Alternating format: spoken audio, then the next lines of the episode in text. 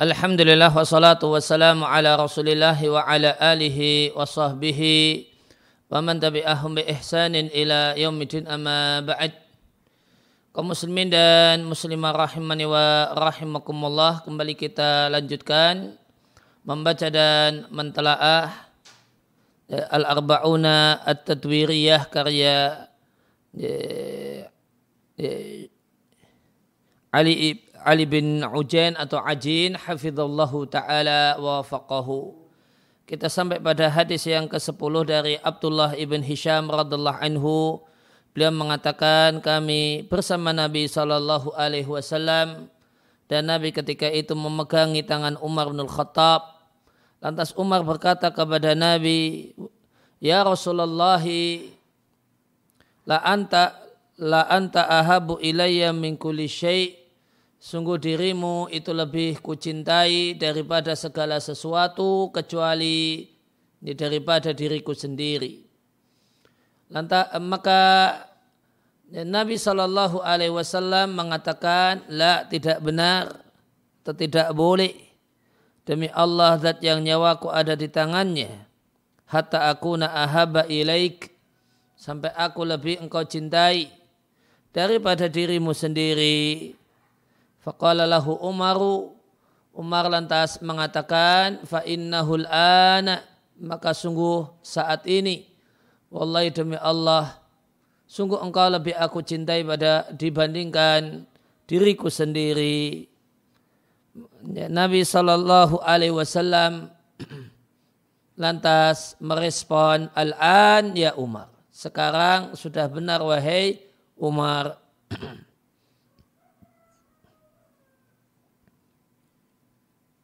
Maka pelajaran yang bisa diambil dari hadis ini orang-orang yang sukses mereka adalah orang yang mencintai dirinya sendiri. Maka siapa yang tidak mencintai dirinya, dia tidak mungkin mencintai orang lain. Wali annahum karena mereka cinta terhadap dirinya, maka jadilah mereka orang-orang yang sukses. Adapun orang yang membenci dirinya,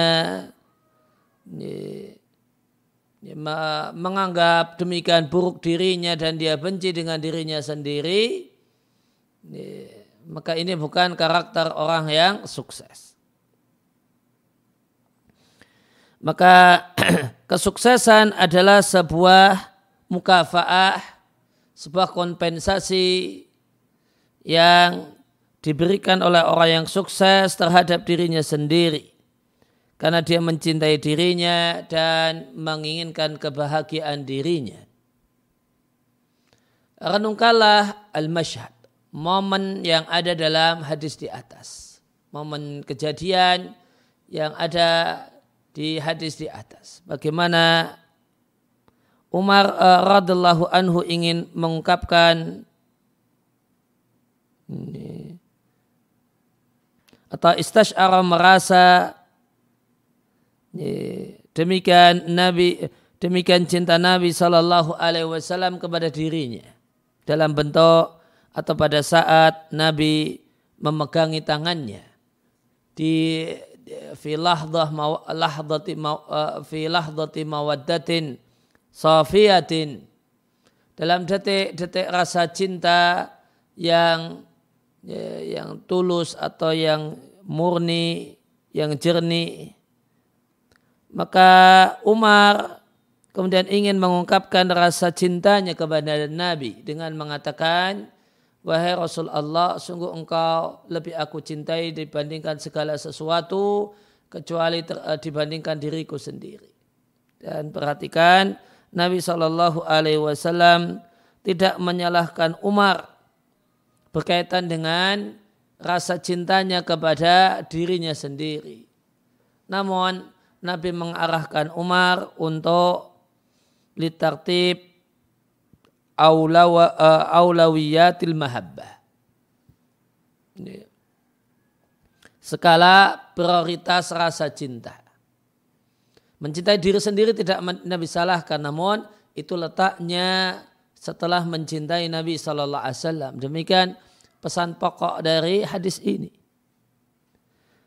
Ya, dengan mendahulukan rasa cinta kepada sang Rasul Sallallahu Alaihi Wasallam dibandingkan rasa cinta terhadap diri, karena sang Rasulullah yang menyelamatkan kita dari kesesatan dan membimbing kita untuk mendapatkan hidayah dengan karunia Allah Taala. Fahuwa maka sang Rasul lebih berhak untuk kita cintai lebih banyak daripada diri kita sendiri karena sang Rasul itu karena dengan sebab sang Rasul setelah Allah Ta'ala bahagialah diri kita di dunia dan di akhirat. Dan hal ini tidak bertentangan dengan rasa cinta terhadap diri. Allah yu'addi ila yang menyebabkan takdir zat menghargai diri. Sehingga lantas penghargaan terhadap diri itu mendorong seseorang nahwan najah menuju kesuksesan.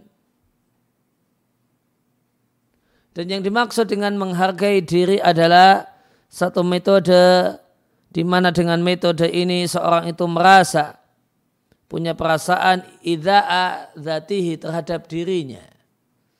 Dan hukum general ya, terhadap dirinya wa ila ayyimada dan sejauh mana dia mencintai dirinya dan ada yang mendefinisikan dengan mengatakan menghargai diri adalah ciri satu ciri tusyiru yang mengisyaratkan level rasa cinta atau benci seseorang terhadap dirinya sendiri. Namun adakah satu hal yang logis? Apakah satu hal yang logis?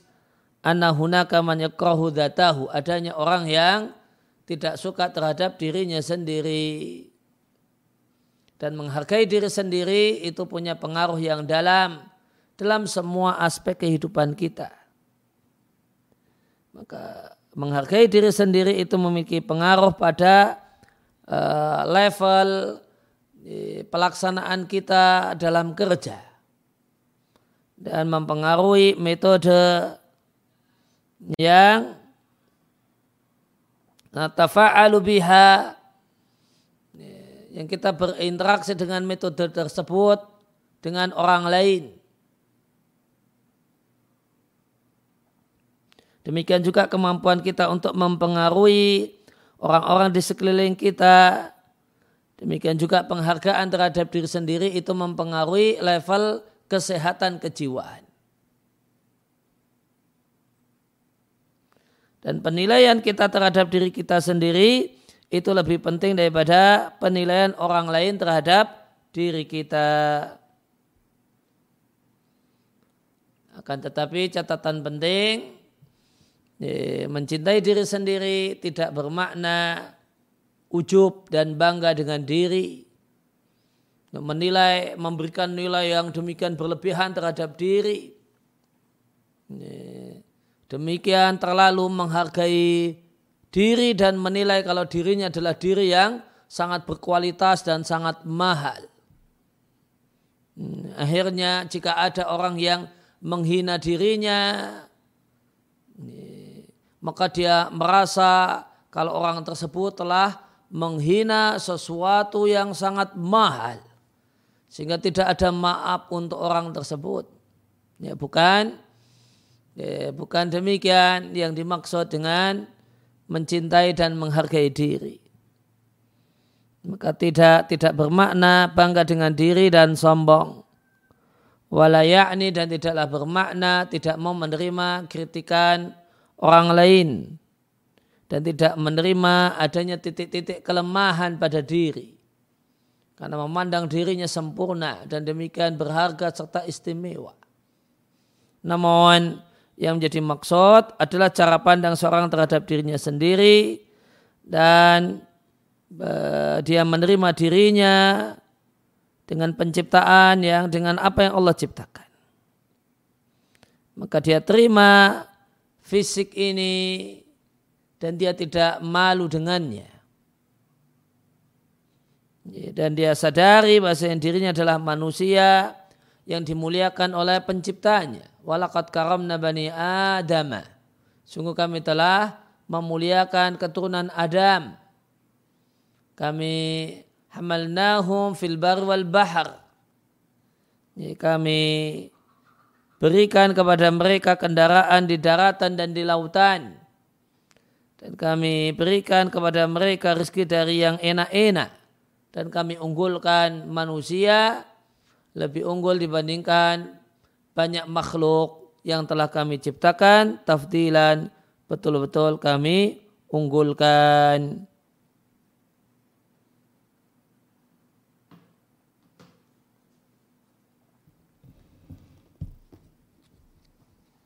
Ya, kita lengkapi dengan tafsirnya di Al-Mukhtasar fi Tafsir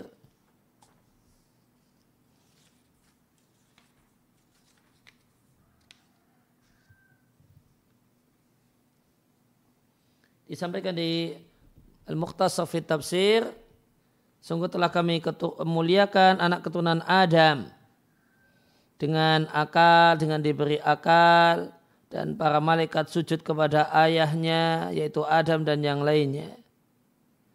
Dan kami tundukkan untuk mereka kendaraan yang membawa mereka dalam perjalanan di daratan berupa hewan tunggangan ataupun di, uh, dan berbagai macam kendaraan. Dan kendaraan yang membawa mereka di lautan berupa perahu. Dan kami berikan rezeki kepada mereka dari makanan dan minuman yang enak. Demikian juga hubungan biologis yang enak. Dan kami unggulkan manusia lebih unggul dibandingkan banyak makhluk ciptaan kami. Maka jadi kewajiban mereka bersyukur terhadap nikmat-nikmat Allah atas dirinya.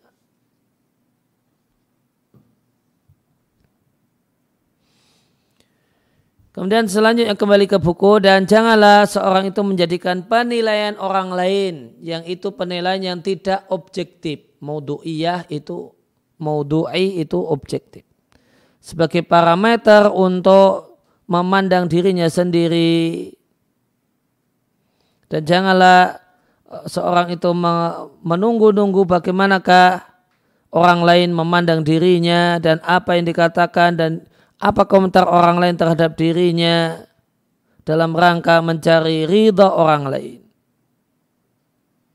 Akhirnya orang ini berjalan sesuai dengan ya, arahan orang lain, tidak sesuai dengan target dirinya dan cita-cita dirinya, maka dia sukses untuk menyenangkan orang lain. Nah, ini tidak demikian yang diinginkan, tidak demikian kondisi idealnya. Yang ideal ya, adalah menyukatir datahu dia orang yang menghargai dirinya maka dia sukses karena cinta terhadap dirinya watahqiqan dan mewujudkan eksistensi dirinya mungkin bisa ya, pesan-pesan di atas bisa diringkas dengan kalimat at-takdirul al-aqilul penilaian orang yang berakal terhadap dirinya tanpa kesombongan jahiliyah. Rot, rot, uh, rot rosah jahiliyah. Oleh karena itu sukses itu diawali dari cintailah dirimu sendiri, hargailah dirimu. Jangan kau jelek-jelekkan dirimu dan kau benci dirimu sendiri sehingga tidak ada keinginan untuk uh, menyukseskan diri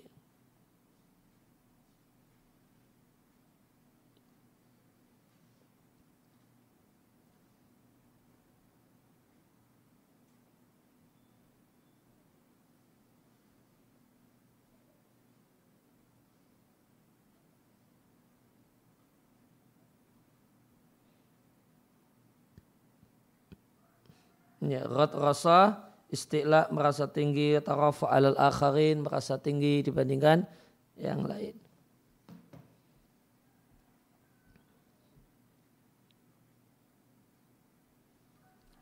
Kemudian kita lanjut ke hadis yang ke-11 dari Abu Hurairah radhiallahu anhu dari Nabi sallallahu alaihi wasallam. Nabi menyampaikan laisal ghina an kasratil aradi kekayaan itu bukan karena banyaknya harta. Di catatan kaki disampaikan bahasanya al-arad maknanya adalah al-malu harta wal mata dan barang-barang properti yang dimiliki. Walakin ghina akan tetapi kaya adalah ghina nafsi kaya diri atau kayanya jiwa. Penjelasannya, maka di antara bentuk menghargai diri adalah suur nafsi diri itu merasa bahasanya diri kita itu kaya. Kaya dengan akhlak, dengan nilai, dengan mawakif, dengan sikap-sikap yang baik, wal ato dengan jasa yang telah dilakukan,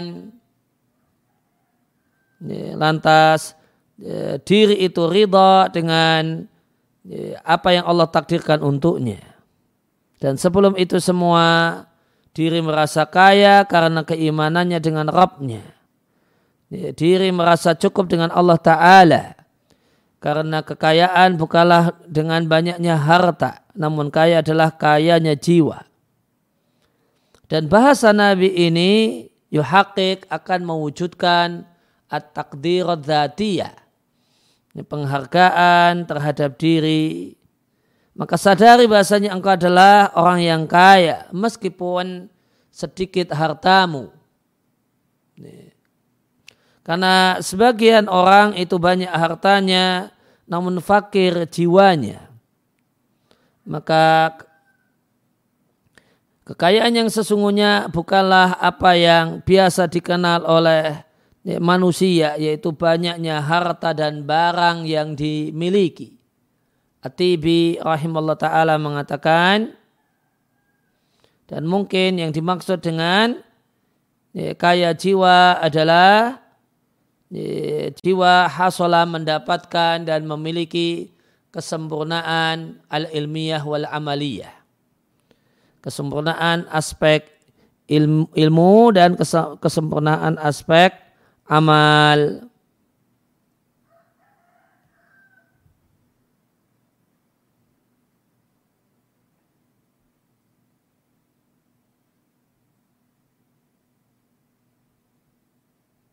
ya.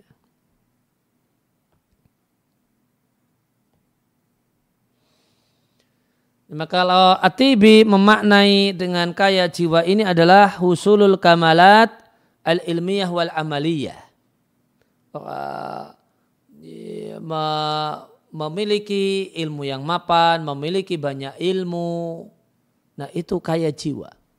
Atau amal, aspek eh, amal, ya berbagai macam ibadah yang dilakukan, berbagai macam kelebihan yang ada pada dirinya, itu kaya jiwa. Abu Tayyib Ansyada membacakan syair yang intinya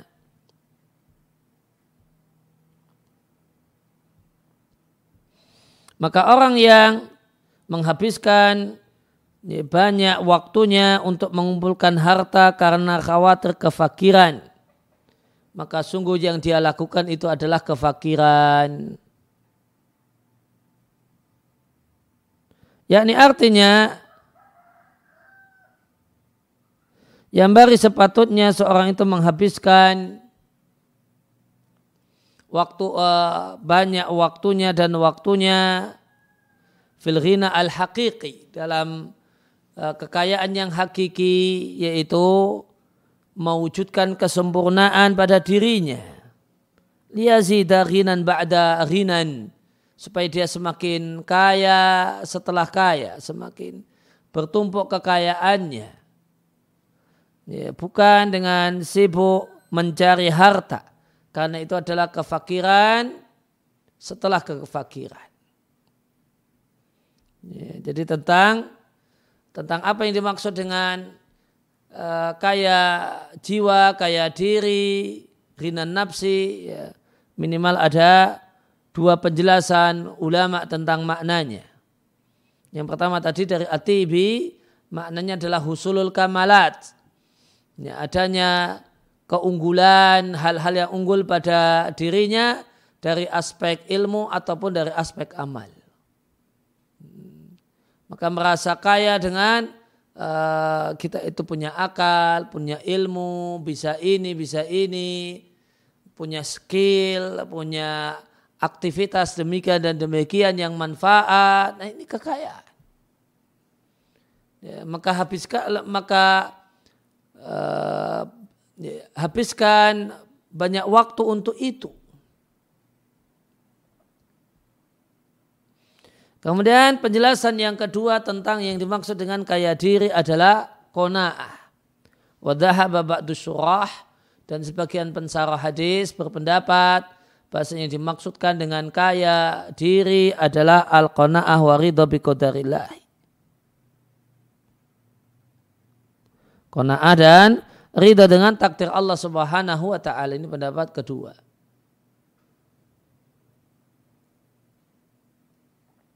Contohnya adalah penjelasan Ibnu Battal. Beliau mengatakan yuridu Nabi maksudkan bahasanya bukalah kaya yang hakiki banyaknya barang dunia yang di, dimiliki. Karena banyak orang yang Allah berikan padanya kelapangan harta ternyata fakir jiwanya. Bentuknya tidak merasa kona'ah dengan apa yang Allah berikan. Fawa itu sehingga dia bersungguh-sungguh daiban ya, fi ziyadah. Ya, maka dia itu bersungguh-sungguh daiban selalu dalam upaya untuk menambah dan menambah. Wala yubali min aina ya'tihi dan dia tidak peduli dari mana dia bisa mendapatkan harta. Seakan-akan dia adalah orang yang fakir dari sisi harta dikarenakan demikian rakusnya dan rakusnya mengumpulkan harta.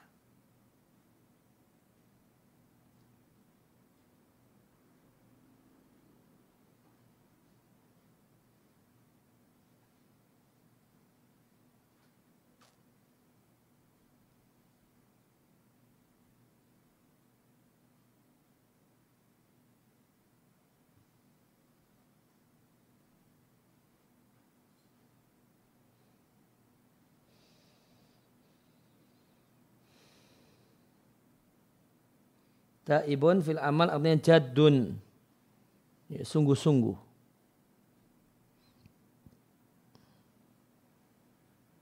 Ya setelah itu rajin atau bersungguh-sungguh, daiban, bersungguh-sungguh, fiziada untuk menambah harta. Ya, tanpa peduli dari mana, dari sumber mana dia mendapatkan harta. Seakan-akan dia adalah orang yang fakir harta. Karena demikian rakusnya dan rakusnya dalam mengumpulkan harta. Ya, namun kaya yang hakiki adalah kaya jiwa. Dalam pengertian yastarni sahibuhu bil ma bil qalil. Dia uh, orang yang kaya jiwa itu merasa cukup dengan yang sedikit dan kona'ah dengannya. Dan tidak rakus untuk mencari tambahan dan tidak ngotot untuk mencari.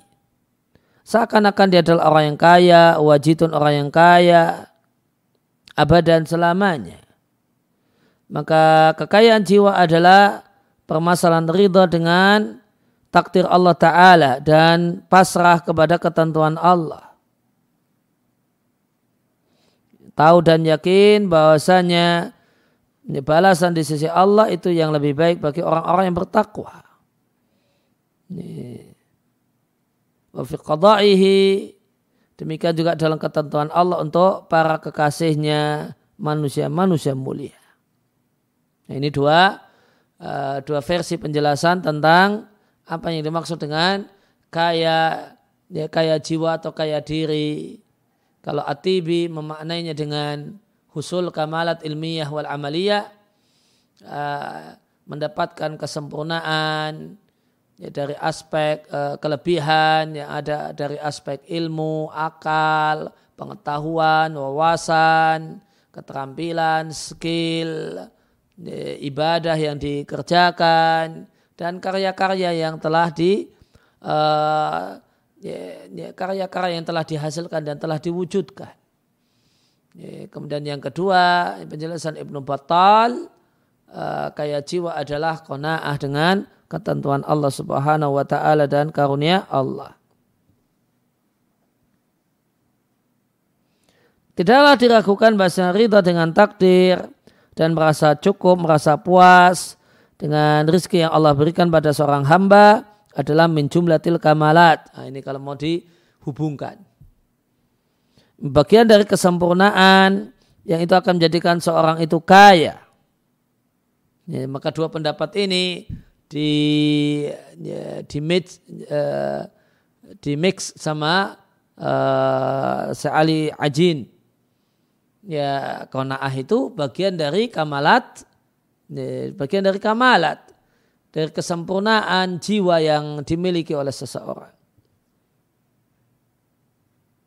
Maka siapa yang mengumpulkan di antara berbagai macam uh, aspek-aspek kesempurnaan ini maka sempurna baginya rina nafsi kekayaan jiwa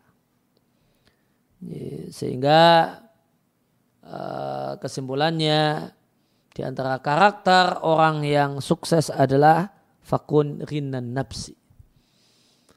Karakter sukses seorang muslim adalah kaya diri. Yang intinya adalah ada pada diri berbagai macam kamalat.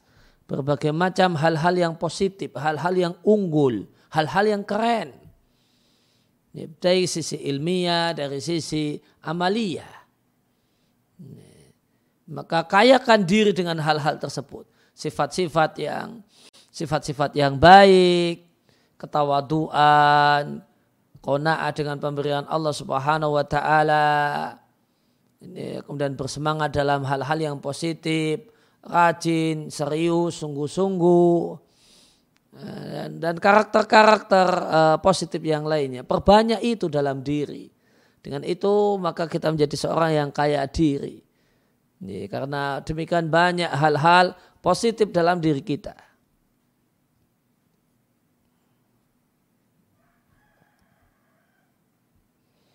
Kemudian hadis yang ke-12 dari Ibunda Aisyah radhiallahu anha, Rasulullah sallallahu alaihi wasallam bersabda, "Ambillah dari berbagai macam amal sebatas yang kalian mampu. Karena Allah tidak akan bosan sampai kalian bosan dan Nabi dan adalah Nabi Shallallahu Alaihi Wasallam menyampaikan amal yang paling Allah cintai adalah yang dirutinkan oleh pelakunya meskipun jumlahnya sedikit.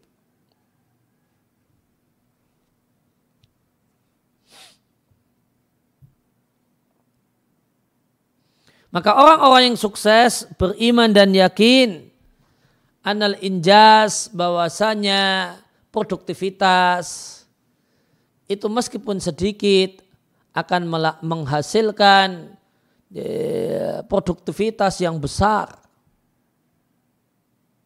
Ya.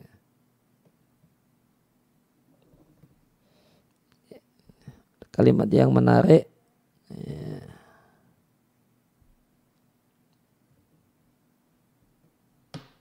Maka budaya komitmen dan terus menerus tidak panas-panas tai ayam, tidak bosanan. Itu adalah kebiasaan yang tertanam kuat pada mental orang-orang yang sukses. Dan ini berlaku pada semua bentuk kesuksesan. Sukses dunia, ada orang yang uh, usaha, sukses bisnisnya.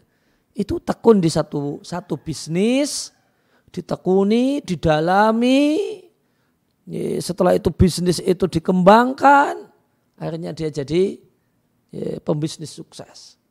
Bisa jadi ada tukang bakso, dia kaya raya. Kenapa? Dia tekuni usaha baksonya.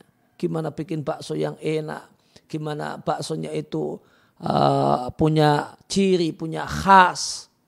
Dia tekuni, dia kembangkan, ya, dia all out untuk mengembangkan mengembangkan bisnis baksonya. Akhirnya ya, Gambarannya bisa jadi udah punya cabang sekian banyak. Hmm. Maka satu ditekuni terus menerus itu yang sukses. Hmm. Ya. ya. Misalnya orang kemudian uh, seorang dai mengelola pesantren. Siapa itu seorang dai yang sukses mengelola pesantren? Ya, dia tekuni pesantren yang dia kelola. Totalitas, fokus, terus menerus. Maka akhirnya pesantrennya berkembang, berkembang karena diperhatikan, karena di manage, karena ditekuni gitu. Demikian juga orang yang sukses dalam belajar itu punya ini komitmen dan terus menerus. Hmm. Tidak busanan, tidak panas-panas tai ayam. Siapakah itu orang yang bisa sukses hafal Al-Quran 30 juz? Nah ini iltizam istimroriyah. Ini komitmen dan terus menerus. Sedikit-sedikit namun terus ngapal, terus ngapal, terus merojaah. Akhirnya sukses. Berhasil hafal Al-Quran 30 juz. Siapa itu orang yang sukses? Ya, bisa baca kitab misalnya, kitab gundul. Sebagaimana tertera di layar eh, Bapak Ibu sekalian. Siapa yang bisa sukses? Ini orang yang tidak panas-panas tai ayam. Ya, setelah dia eh, dia punya cita-cita ini tanya kepada ahlinya. Ya, jalan apa yang harus saya tempuh untuk bisa ini nggak ada harokatnya kok bisa dibaca. Nah, ini gimana caranya? Oh ini jalannya demikian.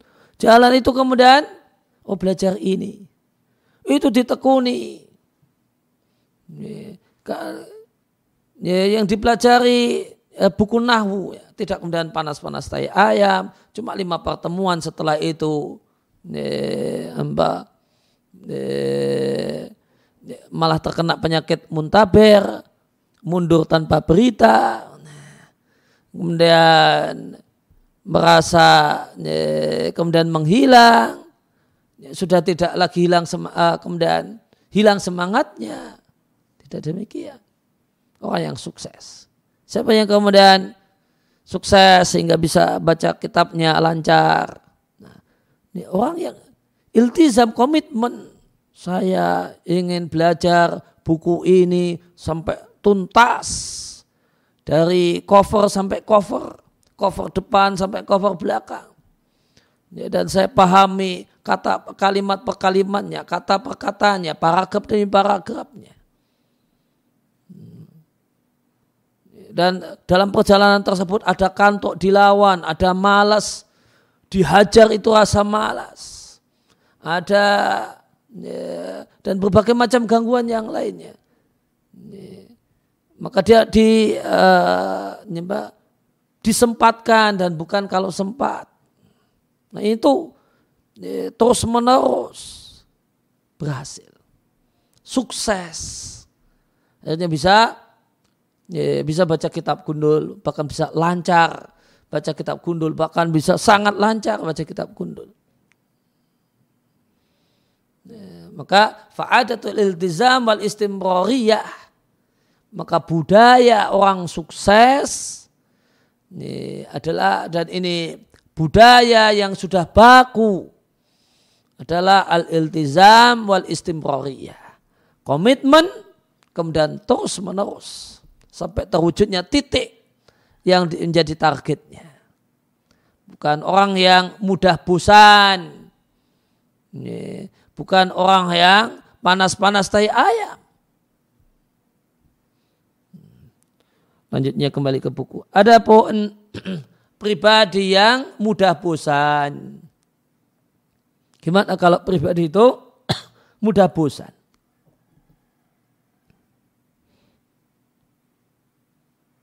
Faya abada abadu matakunu anin najahi. Orang yang bosanan, orang yang mudah bosan, mudah jemu, itu adalah abadu matakunu anin najahi. Sangat jauh dari kesuksesan. Sukses dunia dan sukses ya, akhirat dan agama itu jauh dari orang yang busanan. Ya, orang yang sukses dengan doanya adalah orang yang rajin berdoa. Tidak pernah berhenti untuk memelas merengek kepada Allah Subhanahu wa taala. Nah, itu sukses doanya. Tapi orang yang busanan berdoa sekali dua kali kok merasa tidak dikabulkan ya sudahlah mundur nggak lagi berdoa. Bukan tidak sukses doanya. Allah tidak kabulkan doanya. Orang yang orang yang bosanan itu bisa kita jumpai. Ada orang yang bosanan dalam uh, dalam kerja. Itu sampai umur 50 tahun itu tidak jelas pekerjaannya. Dia itu apa profesinya? Itu nggak jelas. Kenapa? Karena kerja A sebulan keluar. Pindah lagi kerja B dua bulan resign. Pindah lagi kerja C seminggu sudah mundur. Demikian hidupnya pindah-pindah, pindah-pindah. Terus Bapak ini profesinya apa? Tidak jelas.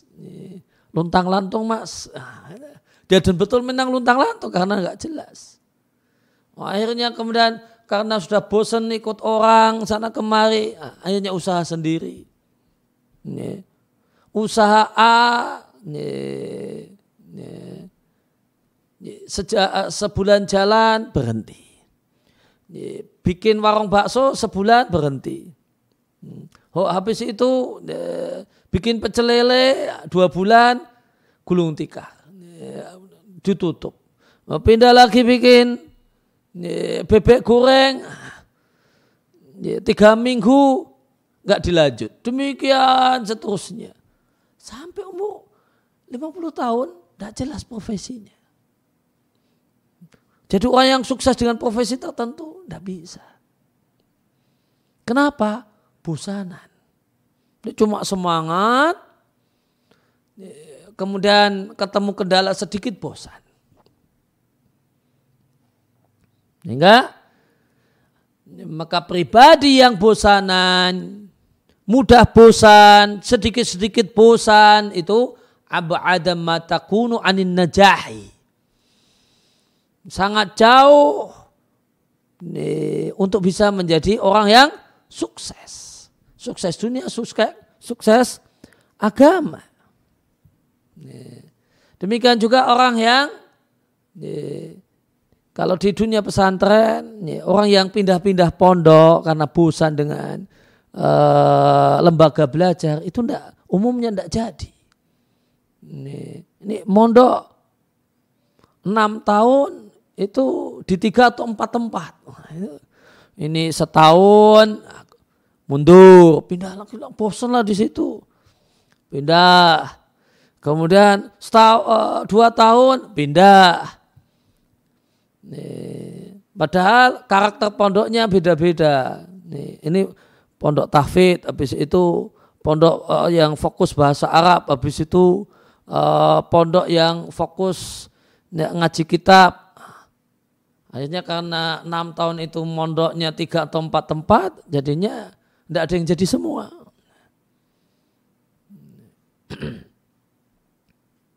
Ya, demikian juga orang yang bosanan misalnya ya, belajar pingin supaya bisa baca kitab lancar. Ini ada kursus baca kitab.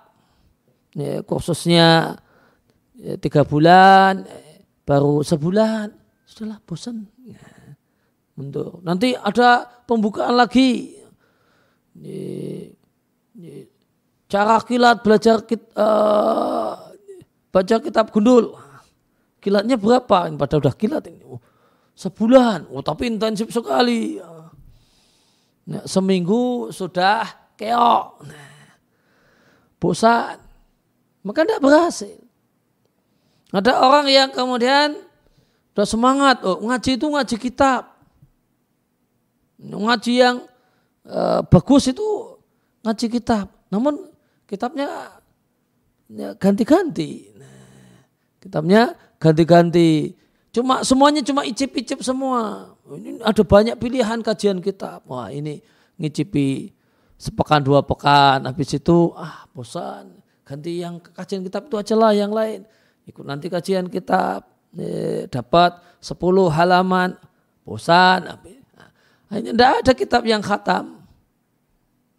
Tidak ada kitab yang selesai. Maka tidak sukses.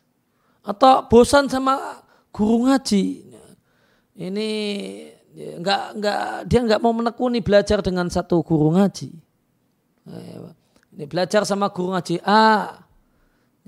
Kemudian dia merasa ada satu satu sisi yang tidak nyaman. Hmm. Saya kalau ngantuk disindiri terus kalau sama guru A ini, ah ini adalah bosan. Uh, dua minggu belajar dengan beliau terus uh, nanti guru B ya, nanti ini ngomongnya datar banget ini. Ya, datar banget ini. Gak ada variasi, gak ada naiknya, gak ada turunnya, cuma gini terus ah bosan, ganti lagi lah. Demikian seterusnya. Dan dan ngaji online itu sangat mendukung untuk uh, bosanan gitu kan. Ngaji online sangat mendukung untuk bosanan. Adalah nyimak eh, kajian live-nya Ustadz A nanti bosan, nanti cuma ikut satu pertemuan. Setelah itu nanti ini uh, guru ngaji B dua tiga pertemuan. Nanti lagi guru C ya, setengah pertemuan sudah uh, setengah pertemuan sudah meninggalkan majelis. Ini. Maka jiwa busanan itu ya, mustahil untuk bisa jadi orang yang sukses. Sal ayana jihin. Tanyakan kepada semua orang yang sukses. Di semua medan kesuksesan. Baik sukses masalah agama ataupun sukses masalah dunia. Tanyakan apa sebab, apa kiat suksesnya. Maka dipastikan. Ya, jawabannya sama. Saya kululaka. Dijamin semua orang yang sukses itu akan memberikan jawaban yang sama. Al-iltizam, komitmen dengan target, komitmen dengan eh, dengan jalan, komitmen dengan metode, komitmen dengan eh, komitmen. Wal mudawamah kemudian terus menerus wal mutabaah dan terus menerus dan terus menerus ya, dan mengikuti ya, mudawamah terus menerus wal mutabaah dan mengikuti jalan-jalan pintu kesuksesan bila malalin tanpa pakai busan. Itu jawaban semua orang yang sukses. Pengusaha yang sukses, dosen yang sukses, ilmuwan yang sukses.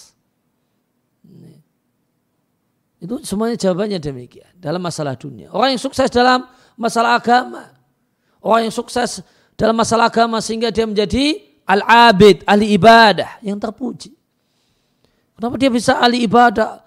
Eh, kok bisa jadi ahli ibadah itu kiatnya gimana? Eh, rajin puasa sunnah tanpa bosan. Rajin sholat tanpa bosan. Rajin berzikir tak bosan. Menikmati wiridnya tanpa bosan. Kiatnya tidak bosan. Orang yang kemudian sukses menjadi ahli ilmi jika ditanya apa kiatnya? Sama kiatnya. Komitmen. Saya komitmen dengan diri sendiri minimal belajar setiap hari sekian jam. Dan itu sudah saya jalani sekian puluh tahun. Saya punya ada orang yang sukses dengan label mulia kutu buku apa suksesnya Kenapa uh, Anda bisa eh, kemudian demikian? Itu jawabannya ini.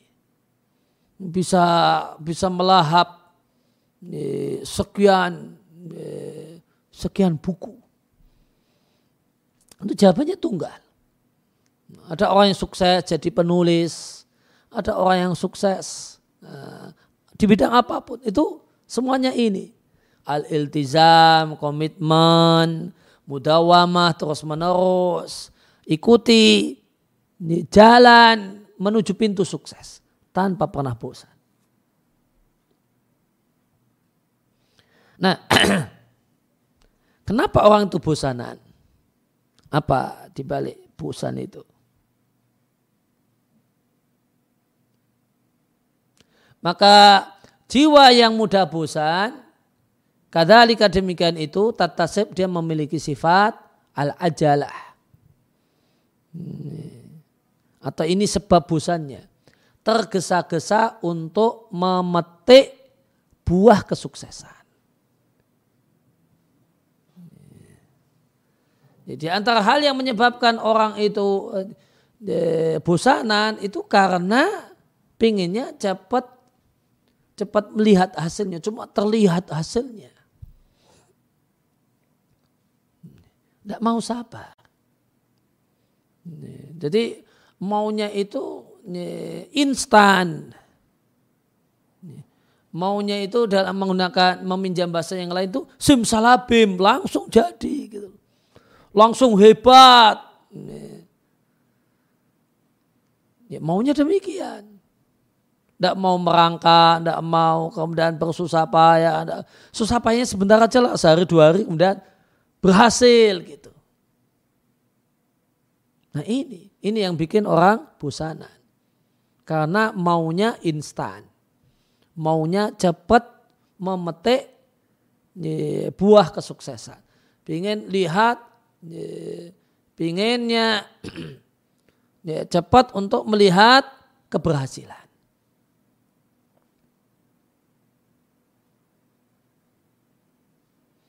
Oleh karena itu, dia bebani dirinya lebih dari kemampuannya. Akhirnya bosan. Nah, ini yang juga menyebabkan bosan. Diporsir. Ya, diporsir. Kenapa ada orang yang dulu rajin ikut pengajian sekarang kemudian eh, sudah bosan? Nah, karena ketika awal semangat kata bahasa sebagian orang ngejos gitu ya. Nah itu kemudian jor-joran lebih dari kemampuannya akhirnya ya lebih dari kemampuannya akhirnya ya, bosan. Dia beban dirinya lebih dari kemampuannya dan dia berupaya untuk bisa mendapatkan al-injaza bisa produktif punya produktivitas yang besar punya produk punya karya yang besar sebelum dia ayun jiza al qalila menyelesaikan yang sedikit. Maka jatuhlah orang tersebut dalam waham, dalam anggapan kesuksesan sesaat yang menipu. Lantas dia lihat, kita lihat dia itu yanhar hancur dengan segera.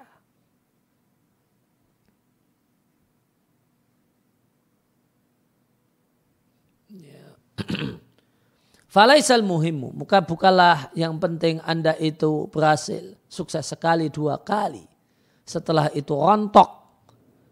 Setelah itu. Yang penting adalah dawa munajahi.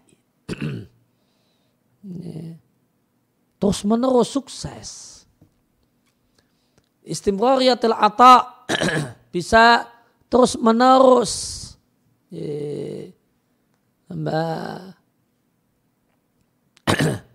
ya, berjasa, bisa terus menerus memberi, terus menerus berkarya.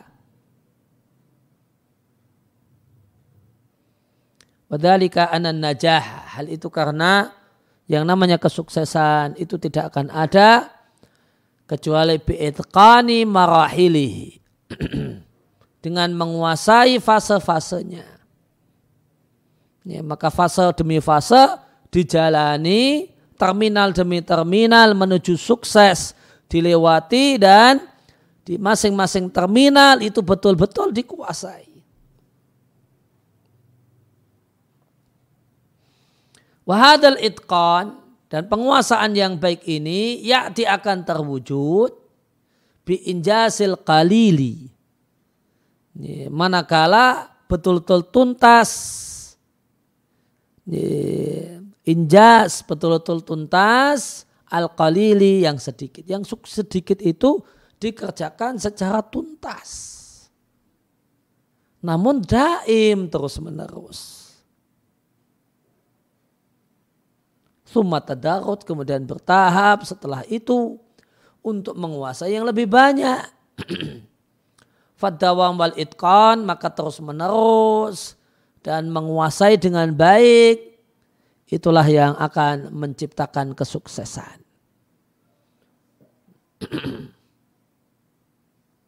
maka sebagian orang inginnya sukses itu bukan berjalan pelan-pelan namun berhasil. Nah, inginnya loncat. Lin najah untuk sukses kofzan. Satu loncatan sudah langsung sukses bahasa yang ini lainnya in, ya, in, apa instan. Sekali loncat kemudian langsung sukses gitu. Dia tidak mau melewati tangga-tangganya langsung step-stepnya. Waya ketak inginnya memotong ya, fase-fase terminal-terminal menuju sukses itu dengan biasari waktin dengan secepat mungkin tanpa ada yang tuntas meskipun sedikit. Nah, sikap semacam inilah mentalitas semacam inilah mentalitas orang yang tidak sukses. Inilah yang menjadikannya ya, mudah untuk gugur. Sehingga ya, singkatnya kesimpulannya nasihat untuk jadi orang yang sukses dawim alal injazi. Teruslah ya, ya, uh, produktif. Ya, teruslah tuntas untuk menyelesaikan satu hal walau kolilan meskipun sedikit. Wah, jangan pernah bosan. Ya, jangan jadi orang yang bosanan. Itu uh, kunci sukses.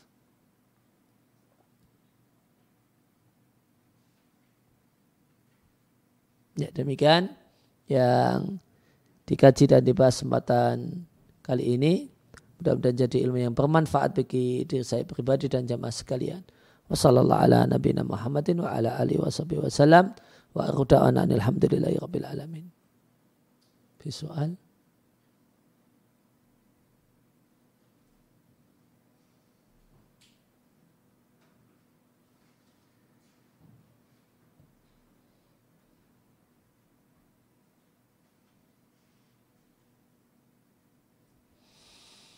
Ada pertanyaan, sudah idealkah kan Ustadz jika saya punya rundown di mana saya isi dengan menuntut ilmu plus mencatatnya, murojaah, uh, koma belajar bahasa Arab dan bekerja itu di waktu uh, jam 6 pagi hingga jam 12 siang karena saya tidak mau tinggalkan majlis ilmu dan belajar.